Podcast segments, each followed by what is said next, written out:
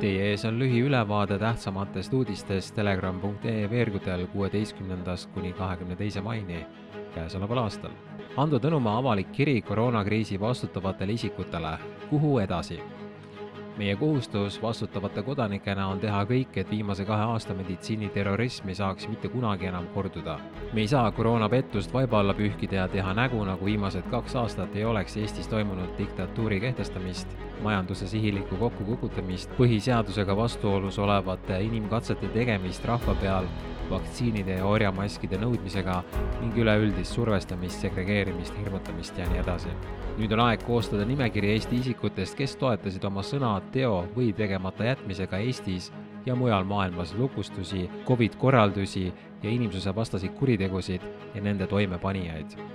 ootame teie ettepanekuid aadressil hando.telegram.ee. rahvusvaheline pandeemialeping USA soovib tugevdada WHO kontrolli rahvusriikide üle. Peaaegu et märkamatult peavad Euroopa Liit, G7 ja WHO läbirääkimisi lepingu üle, mida hakatakse tulevaste pandeemiate korral kasutama rahvusvaheliseks juhtimiseks. ameeriklaste soovi kohaselt tuleks Maailma Terviseorganisatsiooni positsiooni rahvusriikidega võrreldes oluliselt tugevdada. Need, kes kaasa ei mängi, hakkavad klistiiri saama kas tõesti annavad riigid tervisealase otsustusõiguse WHO-le üle? Lääs võttis Covid-19 lukustamise meetmed üle Hiina autoritaarsest poliitikast. veel mõni aeg tagasi pilgati, halvustati ja tsenseeriti neid, kes võtsid sõna rangete Covidi liikumispiirangute vastu. nüüdseks on selge, et inimeste koju sulgemine, liikumise piiramine ja majanduse halvamine ei suutnud aeglustada koroonat ent tõe tunnistamine rikuks demokraatlike mõttekodade maine. Nimelt jäid alates kahe tuhande kahekümnenda aasta sügisest, kui päevavalgele hakkas tulema rohkem teavet Hiina Kommunistliku Partei liikumispiirangute propagandakampaania kohta, on mõttekojad ja desinformatsiooniteadlased, kes algselt toetasid liikumispiiranguid, sellel teemal suures osas vait. mõned neist väidavad endiselt, et see oli õige valik, arvestades seda, mida nad tol ajal teadsid aga sõnavad vaikselt, et seda ei tohiks uuesti teha. siiski keelduvad nad osalemast põhjalikumas arutelus või analüüsis nende hävitavate poliitikate päritolu üle. selle põhjus on täpselt nii lihtne, nagu pealtnäha tundub, nad päästavad oma mainet.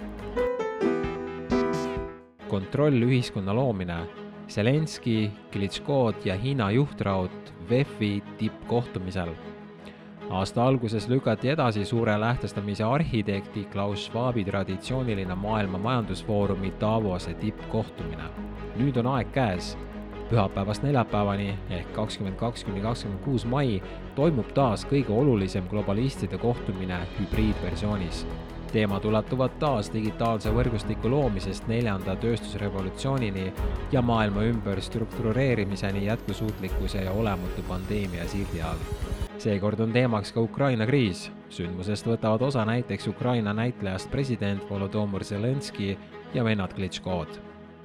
Eraldi teemaks on ka Hiina näitel ülemaailmse kontrollühiskonna loomine Agenda kaks tuhat kolmkümmend sildi all.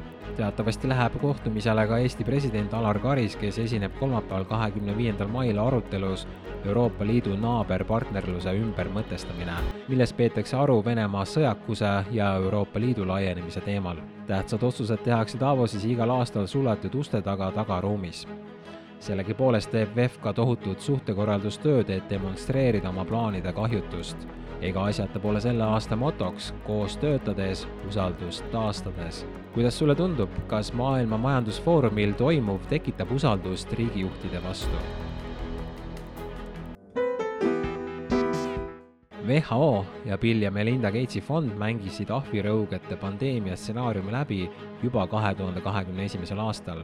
Müncheni julgeolekukonverents ja rühm nimega Nuclear Threat Initiative viisid kahe tuhande kahekümne esimese aasta märtsis läbi pandeemia õppuse, milles mängiti läbi maailma tabava ahvirõugete puhangu stsenaarium üritusel osalesid Maailma Terviseorganisatsioon, Bill ja Melinda Gatesi sihtasutus nii Hiina kui ka Ameerika Haiguste Ennetamise ja Tõrje Keskused ning teised suuremad organisatsioonid. õppuse jaoks valminud hirmutavas videos kirjeldab uudistereporter ahvirõugete viirust, mis on loodud vaktsiinivastaste bioterroristide poolt. kahe tuhande kahekümne esimesel aastal toimunud pandeemiaõppuse stsenaariumi kohaselt avastati esimene ahvirõugajate juhtum viieteistkümnendal mail kaks tuhat kakskümmend kaks ning nüüd siis kinnitas WHO esimesed ahvirõugete juhtumid kolmteist ja viisteist mai kaks tuhat kakskümmend kaks. see on ju puhas kokkusattumus. ülemaailmsed protestid WHO terviseterrorismi vastu.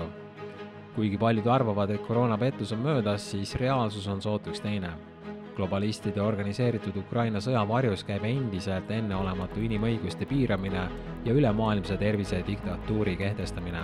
Kanadas püsib protest vaatamata riiklikule järelevalvele, samas kui Austraalia valimiste nädalavahetus oli kuum. ametist lahkuv peaminister Scott Morrison tunnistas pärast kaks aastat kestnud koroonapettust, et mitte kõik, kes surid koroonaga, ei surnud ka koroonasse sagenenud surmajuhtumitel võivad olla ka muud põhjused, ütles Scott paar päeva enne valimiste lõppu. tuhanded inimesed demonstreerisid Suurbritannias vaktsineerimistunnistuste vastu ja lisaks nõuavad britid WHO pandeemialepingu referendumit. meelt avaldati näiteks ka Taanis, Itaalias ja Prantsusmaal. Hiina on endiselt mõistatus, mis on mähitud saladuse loori, kuid on teada, et inimesed püüavad üle võlli piirangutega Shanghai'st põgeneda rahutused haaravad endiselt Sri Lankat ja nüüd ka Sudaani. Need olid Telegrami uudised möödunud nädalast. tule kapist välja ka sina, me kõik teame, et see on hauks